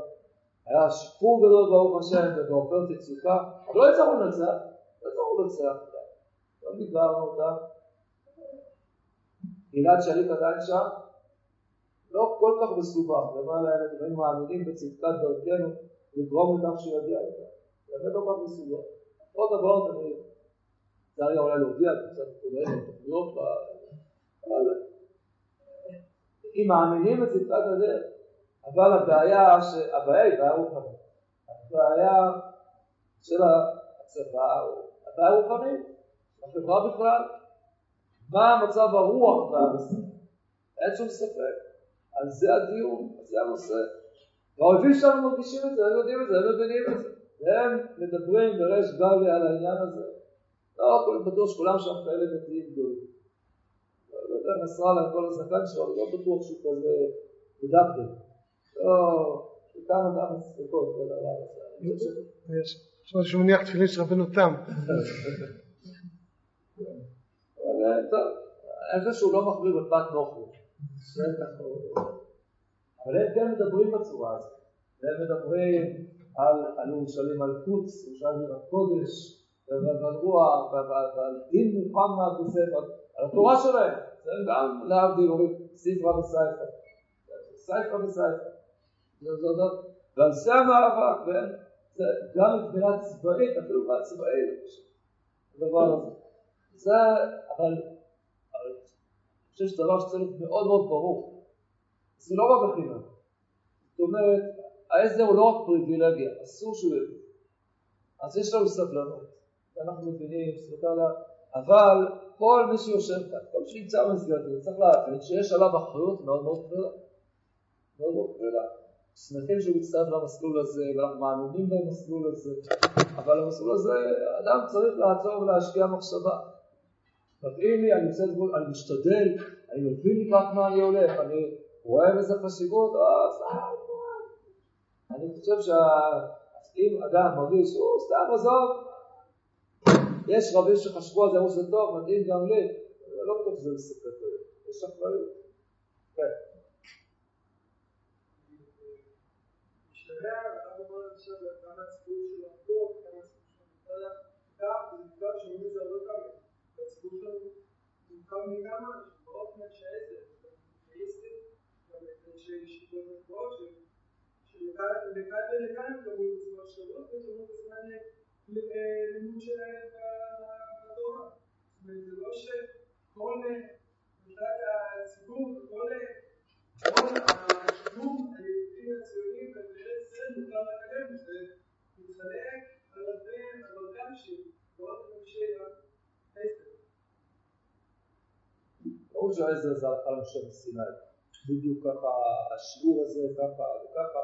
לפי זה גם כמות האנשים שאני מקבל לישיבה, ככה, זה בדיוק לפי איזה שיעור כזה. קוראים שיעור כזה, מי שמוכרים. אז זה בסדר, כל אלה שאותם מנית ודאי, כולם תורמים ועושים, בסדר, יש כיוונים קדושים שונים, אני יכול להסביר מה בדיוק ההבדל בין בין הנושאים של ישיבות גבוהות בתוך הציבור הציוני, אבל זה כבר יחסית ויכוח קטן יותר. בסדר, ובאמת זה נכון, יש שלב של עושים במכינות, עושים עבודת קודש, נכון מאוד, יש שלב בישיבות גבוהות שעושים עבודת קודש, נכון, בהחלט כן. לא באתי עכשיו בדיוק להפתיע או להגיד דווקא ככה, אגב יש גם הרבה ישיבות, ישיבות הסדר. לא באתי להגיד רק על ישיבת מעלות, לא, זה נכון, אבל הציבור שמגיע לישיבות הוא ציבור מאוד מגוון. בסדר, זה נכון. ואף על פי כן, אל תתחמק. אז זה לא רק על הכתפיים שלנו, גם על הכתפיים שלך. קיבלנו אותך, תעבוד. כן.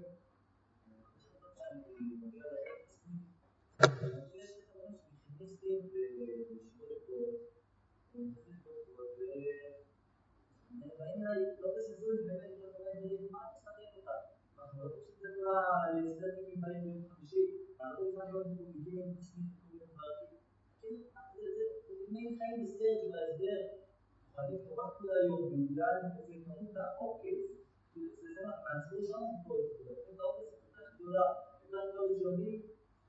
הגליים האלה, כמו שרמת צבא ורמת זה כמו זה, תעשה את היחידה, תעשה לך רכז, תעשה גם כושר, תעשה דברים שזה מה שאתה צריך, ותגייס השם למעשה האופן הזה, שכל פעם בימים, הדבר הזה לא מצליח לבדוק, אני חושב שזה באמת מהצד האמיתי, זה מופיע לציבור שלנו, שההסדר הוא לא מה שהיה פעם, אנשים מגיעים, וזה לא, אין, זה לא ממש חיים בסרט, זה תמיד ההרגשה שלי, לא יודע,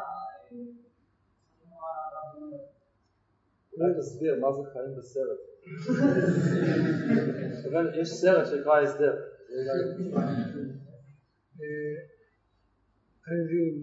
קצת מתפלא, עקרונית, זה שאנחנו יודעים שיש תופעות כאלה וכאלה, זה לא סוד, הזכרנו את זה גם כן מקודם, אבל לבוא ולאפיין זה ציניות שאין מקומה בכלל, ודאי לא בבית המדרש, אני חושב שגם לא ברחוב.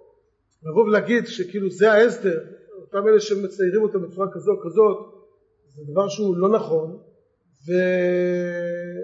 ובצד השלילי, לקח את הצד החיובי של הופעה של תורה גדולה, של, של מאות רבות של תלמידי חכמים גדולים שיצאו מהישיבות, של אנשים בכל המערכות, מה שארינה הזכיר מקודם, אני רואה שאני פוגש אנשים, רוצה מדי פעם לפגוש בוגרים במרכז הארץ, שאני נמצא שם יום לפעמים, ואתה, שנייה, אני פוגש בוגרים, נשים, שבישיבה יכול להיות שהיו מאלה ש, ש, שהציניות הזאת אפילו מתכוונת אליהם, האנשים האלה, השאלות ששואלים, הקביעות יוצאים לתורה שלהם, הילדים שלהם איך הם נראים, צורת ההתייחסות שלהם לכל מיני נושאים היא פשוט מדהימה. וצריך לראות את הדברים האלה והדברים האלה לא היו קורים בלי זה.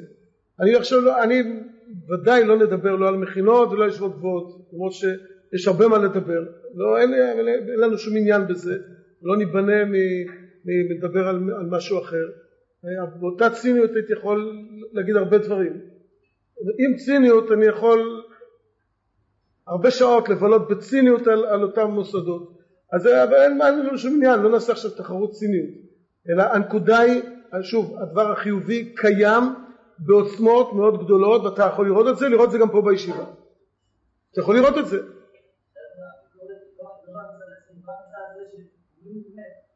מה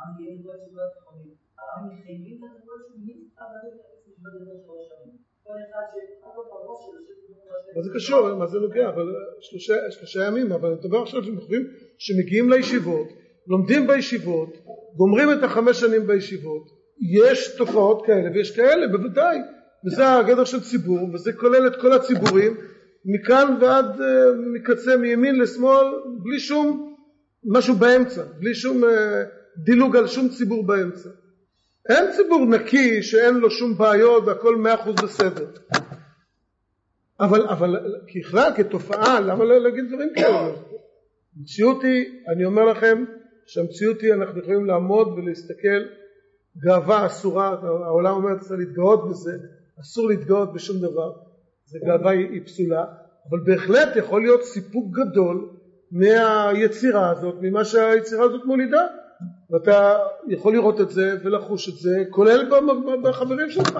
לפעמים אנשים מדברים דברים, שומעים, מישהו פעם אמר לי, דווקא על דברים מכיוון אחר, בא בחור בשיעור א', ושאל אותי, הוא אומר לי ש, שמישהו בהר המור אמר לו שבמעלות לומדים זוהר בסדר בוקר. אז הוא שואל אותי, זה נכון? אמרתי לו, תגיד, אנחנו נמצאים באותה ישיבה? הוא שואל אותי אם זה לא נכון. מישהו מהר המור אמר לו, אז הוא, הוא מתלבט, אולי זה באמת נכון מה שאמרו לו בהר המור. שלומדים פה זוהר בסדר בוקר, אולי זה באמת נכון. אתה לא נמצא בסדר בוקר, תלך תראה, הוא בא לשאול אותי אם, אם זה נכון או לא נכון. זה בעצם, זה, זה נשמע על הצעה, אבל זה בעצם קורה לכל אחד מאיתנו שמישהו מאיזו ישיבה גבוהה או מכינה אומר תראה ישיבות הסדר, תסתכל ימינה ושמאלה, תראה את בחורי ישיבות הסדר, מה יותר טוב מזה? אז, אז, אז בגלל שהוא אמר אולי הוא צודק, אז לא שלא תמצא בוגרי או תלמידי ישיבות הסדר ביום חמישי פה שם יודע בדיוק מה אתה מתכוון אבל לא משנה תמצא אותם בכל מיני מציאות כאלה ואחרות והבעיות קיימות ועם השיעורים חלקם בהחלט הולכות ונפתרות הבעיות הללו אבל קיימת התמודדות ובגדול אני חושב שהמציאות זורמת בצורה נאותה מאוד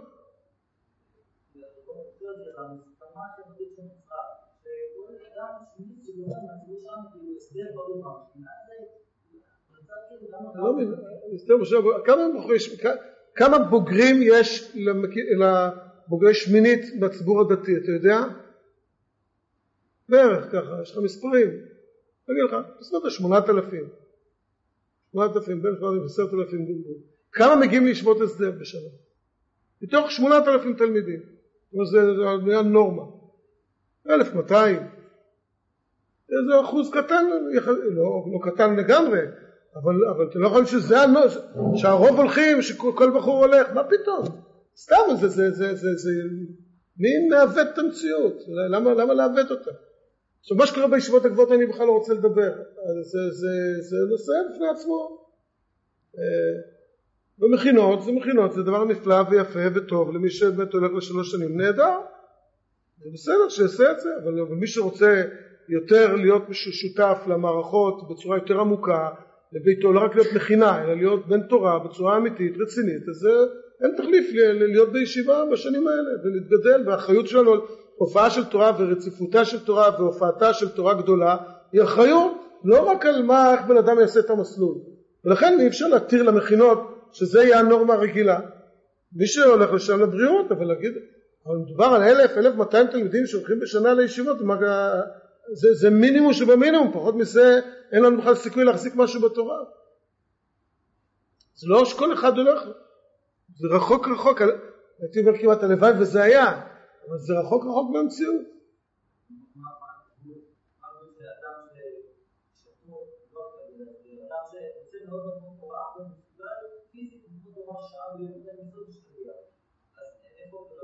עובר הגבול, הגבול עובר קשה לתת, אה, זה אני יכול להגיד לך, ברזומה שלי יש לפחות אחד שתירם בישיבה תיכונית, היה אחד שרצה ללכת לישיבת הסדר, ואני אמרתי לו, אל תלך. הוא זה לא מזמן פגשתי אותו, סיפר זה, זה היה ממש לי חוויה, פגשתי הייתי באחד, בשמחה משפחתית באחד היישובים, וניגש, מישהו גם כמה בוגרים של הישיבה, ושוחחנו וניגש אליי גם הוא, שהוא היה בוגר שלימדתי אותו בשמינית, הטירן שלו שביעית שמינית. והוא ניגש ואומר לי הרב הרב כאילו כאילו שהוא לומד אצלי עכשיו הוא מדבר איתי. אז שאל אותו ככה מה, מה אתה מתלהב? אז, אז הוא אומר לי הרב דע לך עכשיו הבחור הזה הוא ביישוב שהוא נמצא הוא הביא את הרב. הילדים שלו כולם לומדים באחת הישיבות הגבוהות דווקא לא משנה איפה ממש לא יודעים בן תורה משפחה ממש תורנית מאוד קובע עיתים לתורה נמצא בכל השיעורים אז הבחור הזה הוא אומר לי הרב דע לך את כל מה שיש לי זה הכל ממך. הוא אומר ממני. למה? בזכות זה שאמרת לי לא ללכת לישיבה. יאללה ממש ככה. הוא היה בשמינית ואני אמרתי לו אתה יכול ללמוד גג שעתיים ביום. אז אם תעשה את זה בצבא אתה תהיה העילוי הכי גדול המתמיד הכי גדול. תעשה את זה בישיבה תהיה הבטלן הכי גדול. אז לכן לך לגרעין נחל תורני היה קשת גרעין תורני. לך לגרעין נחל תשב שם תזה עשה מה שאמרתי לו וככה הוא אומר הוא העיד על זה אני אפילו לא ידעתי אני לא זכרתי אפילו את הסיפור רק הוא העיד על זה שאמרתי לו אל תלך כבר נרשם והתקבל. לישיבה אמרתי לו אל תלך לך לגרעין נחל תורני אז יש לי האחת שהעיד, יכול להיות שהיו עוד כאלה שאני לא זוכר, אבל uh, אני בפירוש מאמין בזה שחלק לא מתאימים, ומתאימים למסלולים אחרים, שיעשו אותם ויהיו בני תורה עוד יותר מאשר היו כשהם יהיו בישיבה. כי בישיבה למרות שעתיים ביום יוצאים מושחתים, ושם יוצאים uh, נהדרים. בהחלט זה נכון, ויש גבולות, עכשיו איך לסמן אותם כמה, איך, זה צריך להיות איזשהו אמון שמשתדלים לעשות אותו בצורה הכי נכונה שאנחנו מאמינים בה.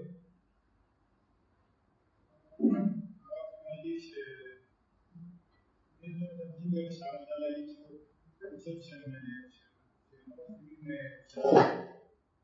מזהה את זה ורואה את זה גם עבודה של מבעד השנים שהיה אז, לפני שהם יותר לפתח ולתחף, היום בעצם המשיך לתופעה במקום שיכול להיות שהכמות של אנשים, כמות מסוימת של אנשים, בכלל אולי, אולי זה שאנחנו מציבים את המדעים יותר טוב באמת להגדיל להגדיל מסגרת החינוך. אנחנו בעצם טועים בזה, כי הציבור הרחב באמת, אולי לא, אולי לא עובד את הדבר הזה. זה שאנחנו מסגור להסדר, אז אנחנו בעצם במקום לתת לאנשים שיכולים אולי לקחת מסגור להסדר ולרומם אותו עם מקום של פיתוח בצורה שהוא כמו שאתה מתאר, שככה נתפס בעיני האנשים. הוא נתפס בעיני הציבור כי בישיבות ובמכינות, אני אומר להם חד וחלק, תרשמו את זה, אתם יכולים לצלם את זה, מדברים הרבנים נגד ישיבות ההסדר, באים לישיבות התיכוניות ומשמיצים, מה שאנחנו מעולם לא עשינו ובעזרת השם לא נעשה, מדברים, ואני פעם אחת יצא לי אפילו לדבר על זה איתם בגלוי, והם לא הכחישו את זה, ואני מכיר חלקם חברים טובים שלי, והם משמיצים, מזלזלים בצורה בוטה, בצורה ממש לא יפה, בציניות זולה ונוראית. אני אומר להם זה מה שנעשה בפועל. הנושא הזה של התחרויות והדברים האלה, אנשים מגיעים עד הדיוטה התחתונה בצורה מגעילה, לא מתאימה לבן תורה. ולכן הנוער קונה את זה. כי אני מעריך, אני לא יודע, בשביל, אנחנו לא עושים בכלל ישיבות, לא מדברים על זה, אבל אני מעריך שבישיבות לא עושים דבר כזה. את הצד הזה לא עושים, כי יש את הבריאות הנפשית, הרוחנית, המידותית, לא לעשות דברים כאלה. מה שהם כן עושים. אני אומר לכם שעושים, לא, חלקכם אולי שמעתם, אולי מישהו יקום ויעיד. אני אומר לכם שאומרים, מדברים אפילו לא בצורה גלויה, מדברים בצורה מזלזלת כזאת, אלה, מי שצריך את הרבנים על ידו, מי שצריך את העזרה, להיות ליד הסינור של אימא וכולי, שילך לישיבת הסדר, אז הרבנים ישמרו עליו, שלא יתקלקל בישיבה, אומרים את זה להפך, בשבח ישיבות ההסדר. שהיו תלמידים שהם חלשים מבחינה רוחנית צריכים רבנים וכולי שילכו לישיבת הסדר שם ישמרו עליהם שהאימא תשמור עליהם וכולי וכולי אלה המילים כך מדברים בישיבות התיכוניות וזה מה שהתלמידים שומעים שאין להם את החוש הזה להבין שאחד כזה לנפנף אותו ולהעיף אותו מכל המדרגות, אלא להפך, הולכים לישיבה שלו, כי זה כריזמה, כי זה דבר מאוד יפה לומר אותו. דעו לכם, כך זה נעשה, ומזה מגיעה הציניות, ואנחנו נגררים אחריה. אז אנחנו לא ניגרר אחריה, כמובן שאנחנו לא נהיה כאלה ולא נעשה דברים כאלה, אבל גם לא ניגרר בעצמנו, נדע מה אנחנו, אנחנו יודעים בדיוק מה אנחנו, מה אנחנו משתדלים להיות, מה אנחנו בפועל, נדע, ולא נחיה מזה שמישהו אמר עלינו משהו. מה, מה, מה קרה לכם? מישהו אמר משהו עלינו. אז אמרו, זלזלו, מה קרה? אז מישהו זלזל, אנחנו מתפעלים מזה כל כך. הם, הם ניזונים מזה, מזה הם חיים, בזכות זה הם קיימים, בזכות הזלזול הזה.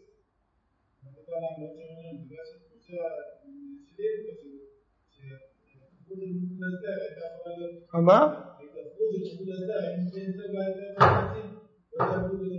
לא יודע, אני גם לא יודע. מה אני יודע? מי יכול לדעת? אתה יודע. אתה יכול להעיד על מישהו, על פלויני, תמיד הוא כזה או כזה, מה אנחנו יודעים? מה בעיני הבשר שלו אנחנו מסוגלים לראות? לא רואים שום דבר. ולכן מי שמעוניין ללמוד, הוא אומר שהוא רוצה ללמוד, והוא נראה לו שזה מתאים, שיבוא וילמד. אני אגיד לו אל תלמד או כן תלמד, אם אני מזהה שהוא לא מתאים, וכדומה, אגיד לו. אם אני לא מזהה, אז כל אחד ראוי לנסות. מה אנחנו מבינים? האדם יראה לעיניים בקושי. מה, מה יש לעשות עם זה? להרחיב או לא להרחיב?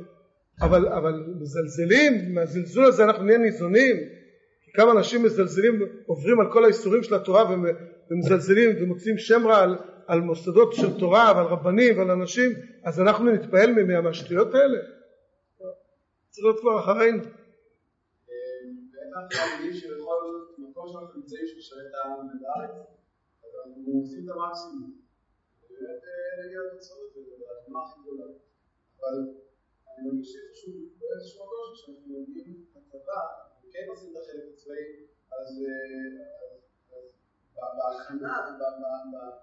ובכניסה לצבא יש פחות מוטיבציה קצת ממה שנמצא במכינות. זה יכול לבטא לפעמים לאן חייבים, לאן אמורים להגיע. במכינה... לאן נגיע מוכתב לנו מראש. אין דבר כזה. כולם רוצים תחיק, ישיבות להפך, מה יש הגרלה תמיד? כולם רוצים ללכת לדברים הכי קשים, ונדח חלק שותפים איתם לדברים פחות. מה זה, להפך, כולם רוצים את המוטיבציה הכי גדולה שיש. זה מתבטא גם בכך שהכינה גם תכין יותר את התלמידים לצבא, יותר המפעלים, יותר מדסים. למה לעשות את זה? מה אני צריך לעשות את זה? שטויות. חוץ מגימיק אין בזה שום דבר. תפסיקו להתפעל משטויות, עושים ניווטים, עושים זה, זה גימיקים בשביל למשוך את התלמידים, מה אתה...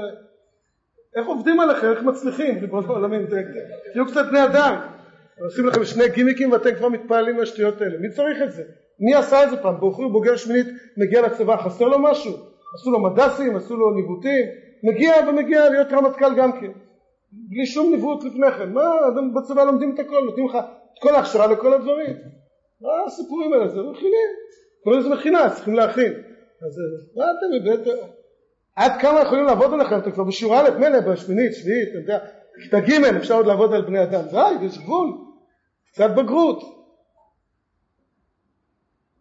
אל תבואו לשאול.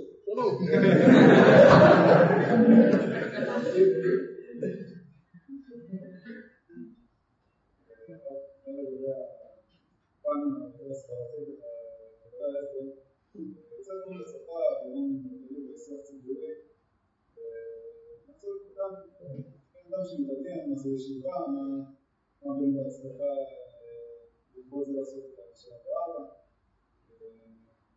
השאלה מאיפה להתחיל, זאת אומרת, בן אדם אם המשרד בישראל ובכלל ישראל זה דברים שהם לא מובנים בסופו של דבר שאומרים את זה למישהו שבסופו של דבר הוא נשאר מדהים, לא איזה דמיון.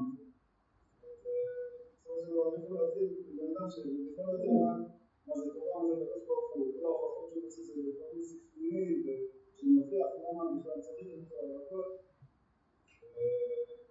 זאת השאלה דבר ראשון, אם באמת צריך לדבר על זה, אז מאיפה להתחיל? שבכלל יכול להיות ש... לא יודע, אולי בכלל אין מקום לדבר על דברים כאלה שיכולים ולא נתפס עליהם, כי זה הדרך שהם מאמינים בה. יכול להיות, אני לא רואה עניין כך לדבר, למה להסבר? אם אתה רואה מישהו שיש מה לדבר, שיש דו-שיח, מצוין, אבל אם דו-שיח, לא יודע, רבינו אולי יותר. אחד הדברים, מה שהרב אמר בקיצור, יש, אני, תלוי כמובן כל אחד בצורה שהוא כותב, שהוא מסביר ושדברים שקוראים לליבו. מהניסיון שלי ראיתי הרבה הרבה הרבה מאוד מקרים. ש- באמת, צריך לדבר אה, שיש גם כיסוי לדברים. זאת אומרת, אם אתה חייל גרוע, ואתה חייל שלא קם בזמן לשמירות, ואתה חייל שמזלזל, ואתה חייל שמנסה לתכנן, אתה יכול להסביר על השם ועל משיכות, זה לא מתחיל לשכנע ובצדק. אם אתה חייל נחמד, ואתה חייל אה, שמשתדל להיות חייל גם טוב, ואחראי, אז גם הדברים שלך, הדברים שלך נשמעים. לא חייבים כרגע להסכים. אין כמעט ויכוחים כאלה שאמורים להתנהל בהורדת ידיים שמישהו מנצח. אין דבר כזה. לא, לא, לא, כמעט ולא קורה. לא. אבל זה בכלל לא תלוי בזה. אדם יכול לצאת אפילו בתחושה שלא הצלחת לומר שום דבר, הוא הולך לחדר, לאוהל או הביתה, והוא אומר, הוא אומר לעצמו, זה לא מה שחשבתי, אני, זה לא פשוט, לא, בוודאי הוא אדם רציני. אחד הדברים שאני עשיתי אותם הרבה פעמים, אני לא יודע להגיד, תמיד זה מצליח, אבל עשיתי את זה, תמיד עבד כזה, זה דבר נכון. אתה, בלי בלי קשר לכולם, הרבה אנשים אומרים, אני רוצה את הסדר פיזיקה. פיזיקה, מה אני... בזמנו, עדיין הצבא לא פחד כל כך לשלוח חיילים לבקר בישיבות. אז כשהייתי תמיד, עדיין גם לא היו עדיין כל כך הרבה ישיבות. בישיבה שבה למדתי, ישיבת הגוש הייתה מקום, אירוח קבוע לקורסיני, לקורסים גבוהים יותר, ולכל הרבה הרבה הרבה ודי בשגרה היו באים לבקר, לא היו כל כך הרבה ישיבות. פשוט צריך למנוע את המבוכה בראשי ובקרב ביבנה, כל ישיבה של ראשי ישיבה כפי שיותר בנוח להגיד דברים, ואחד הדברים שהיו חוזרים הרבה פעמים היו, הייתה לי שיחה עם הרב או עם הרב אביטל לא היו מבינים לעצמם מתורגמן, היו הרב אפשר לדברים איתו, ומדי פעם היה עולה העניין הזה שהיו שואלים, חבר'ה, רציניים, למה לא לעשות הסדר, אחד רצה ללמוד הסדר קרל מרקס. קרל מרקס, נכון מרקס, הרב אביטל, אני לא הרבה קשרים בצבא, אמרתי, תשמע, אני מבטיח לך, זה עשרה חבר'ה, לתת הסדר קרל מרקס, אני חותם לך, כולם שומעים אותי, אני מסדר לך. הסדר גם. בסוף שלא היה הסדר. התמצא, הוא חייב לעשות איך, אמר לי לא יצא. לא יצא. אני לא מדבר כמה. אדם רוצה לחשוב אותו, זה בבוקר, מה אתה אומר? אתה אוהב ללמוד פיזיקה? כן. תגיד, אתה מוכן ללמוד את זה ככה? כל יום, כל יום, ככה, יש תקופה מאוד ארוכה, אתה לא יוצא מזה תעודה מהעניין הזה. לא תעודה של המכון, תעודה. כן, לא יוצא מזה תעודה, אבל בסדר. תקופה ארוכה, אחרי זה עוד שלוש וחצי שנים, אתה אתה מוכן כל יום ככה ללמוד? שלוש שעות כל יום? שלוש שעות כל יום? כן. בטוח? שש שעות כל יום? עשר, שתים עשרה שעות כל יום? לא, אני לא יודע אחד שלא מניע. אתם יודעים את הסוף ביום, את הסוף ביום, ואתה מספר לו קצת מה סדר היום בישיבה. אנשים לא יודעים את זה. עכשיו, לא משנה בכלל אם אתה לומד עכשיו סינית עתיקה, לא משנה מה, אתה לומד משהו, והם מבינים שיש לזה, לפחות בעיניך איזושהי חשיבות. ובשביל הדבר הזה אתה יושב ומשקיע הרבה מאוד שעות. הרבה הרבה הרבה מאוד. הרבה מעבר למה שמקובל בדברים אחרים, שאתה לא הולך להוציא על זה איזושהי תעודה. אתה מסביר את זה, אתה אומר, אנחנו לא, זה ודאי נכון, יש תנאים אולי נוחים, אבל זה, אתה הרבה פחות בן חורים מהרבה בחינות מאשר בצבא. ואני חושב שאדם שהוא לומד ממוצע ומעלה בישיבה, רק חוץ מתקופות קצרות בצבא, הוא יותר עייף בישיבה מאשר בצבא. אני לא חושב שהייתי בגדולי המתמידים לצערי, ודאי לא בשנים ראשונות בהסדר, באותה זמן ששירתתי בצבא. ואני אומר לך שאני ממש, היה לי שירות צבאי לא קל, צבאי יצא לנו הרבה יותר ארוך מאשר ההסדר הרגיל, היה כל מיני בלבנון, סעדת החליט שזה הזמן שירצחו, תקלות שאת ים אנחנו נשארנו ונשארנו הרבה בצבא, ובישיבה הייתי עייף לאין ארוך יותר מאשר בצבא. לאין ארוך יותר. אז בלי קשר אפילו לשאלה מה בדיוק עושים. אבל זה דבר שהוא, אם אדם הוא ישר, הוא שומע את הדבר הזה, הוא לא יכול להסכים. הוא מסתכל אחרת על הדברים. אתה לא יכול לשחרר. אם זה לא איזה אדם שבא הוא סתם בא ככה, בא לריב, לא, לא צריך, לא, אבל אם זה בצורה אמיתית, אז זה דברים שנשמעים. ואני אומר מה שקורה הרבה פעמים, ושאם שככה עבודתה, אז גם מעניין אותו גם לשמוע משהו כן ביהדות. לתת לשמוע, בדרך כלל זה לא רק בדיחה, אבל זה קורה ועוזר, תדע לך באמת, כן, לך, סבתא שלי גם היא שוחט, ואני יודע, וככה, ויש לה איזה משהו, כי אין אחד שאין לו משהו. בצורה כזו, בצורה אחרת, אבל הפנים אל הזה שאמור להיעשות בצבא הוא הרבה יותר קל והרבה יותר קשה. זה הרבה חוכמה, אבל הפוטנציאל הזה הוא קיים. אם עושים אותו נכון, אז אתה מאמין ואתה כזה, אז, אז הדברים שהם דברי אמת ניכרים. ניכרים דברי אמת, זה אמיתי, ולא רק, לא, לא, לא צריך להגיד את הדברים שאני אמרתי. מה שתגיד, תגיד מה שאתה חושב ומה שאתה מרגיש. בצורה, לא, לא בזה התנסות. ולא, אנחנו לא באים, לא הכרזנו שמי שבהסדר זה מה שמגן על הצבא, עזוב את המ"פים, עזוב את המג"דים, הכל שטויות, סתם בטלנים, אוכלי חינם, לא, לא, אנחנו לא אומרים כזה דבר, לא, כל אחד יש התפקיד שלו, כמו שהוא רוצה, אנחנו חושבים שישיבת ההסדר היא מסלול שהוא מסלול חשוב ואידיאלי, וחלק ניכר מאוד בציבור. אני אומר משפט אחד, אני אומר, וזה אולי לנו, זה אולי לנו, לפעמים אפשר להגיד, צריך לדעת חוכמה מתי להגיד את זה. אני אומר את זה בצורה מאוד אמיתית. וזה קשור גם לדברים שנשאלו קודם. הלוואי שהייתי יכול להגיד בצורה מאוד ככה נוחה לחבר'ה שלנו, קוראים שלי, חבר'ה, תבואו כולכם תעשו שלוש שנים צבא. הלוואי שזה היה המצב, המצב הוא לא כזה. כאשר יש מסלול, כאשר מנסים מחזור גיוס שכך וכך חבר'ה שלי מתגייסים, ומתוכם אחוז לא מבוטל, לצערנו הרב, לא שמע ולא יודע לא מה זה הרמב"ם ולא מה זה הרשב"א ולא מה זה הפני יהושע ולא מה זה אורח חיים ולא מה זה הרב עובדיה יודע שיש כזה דבר שהוא נותן מדי פעם איזה הוא מוציא קטעים ובכנסת היזדי במוצאי שבת זה הקטע שלו זה כל מה שהם יודעים אין להם מושג לא רש"י לא תוספות בשולחן ערוך לא, לא בן איש חי לא שמעו את המושגים האלה לא שמעו את המושגים האלה. כשזה המצב אז יש לנו ברירה? מי, מי יחזיק את זה? הלוואי שהמצב היה כזה שיכול יותר לשחרר כי בזה יש לנו ביקורת, ביקורת, בסדר, עם ההבנה, אבל ביקורת על הציבור החילוני, שלא יודעים שום דבר, שבאמת לא יודעים שום דבר. לפני שבוע, בדיוק בזמן הזה, לפני שבוע, חנכנו אולם, לא יודע מה אתה יודע, חנכנו אולם שמחות, אצלנו בבית. חיתנו בגינה שלנו, הייתה יוצאת פרסום, ככה על העניין, מנה, שתי דולר, זוג לא דתי, לא דתי. שהם כבר, בעוונותינו הרבים, כבר נשואים אזרחית. זוג מקסים. חכמים מאוד מאוד חכמים. היא רופאה כבר, והוא באמת בחור ככה, בפסיכומטרי הוא הרבה יותר קרוב ל-800 מאשר ל-750. בחור באמת ממש ממש מוכשר, וזה שהוא אמור לענות גם על מושגים ביהדות פה ושם, ככה זה כנראה מה שהורידו, לא אפילו את השמונה. משפחה, משפחה של הורים מאוד מוכשרים, שלושה ילדים. יש להם אה, בת אחת שדרכם אנחנו מכירים, שחזרה בתשובה. חזרה בתשובה תוך כדי השירות הצבאי שלה.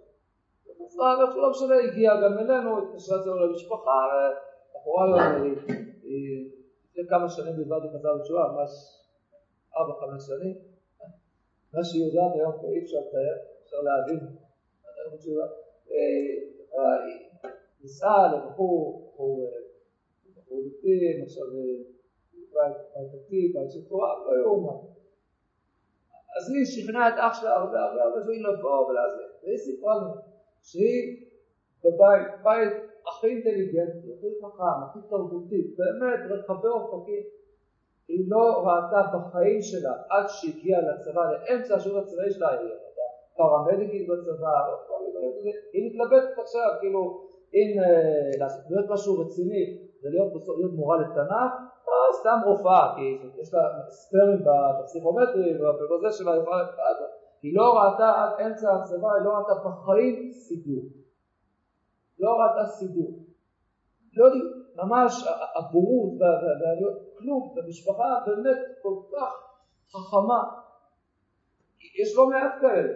אז לא, יש כאלה שכן ראו סידור, סידור כזה, סידור אחר, אבל יש חוסר כל כך גדול, שיש עלינו אחריות. אחריות גדולה, מה לעשות? צריך לעשות. כן, צריך לאגור כוחות, רופא בללמוד. לטובה ולברכה. מסדר השכמה בשעה.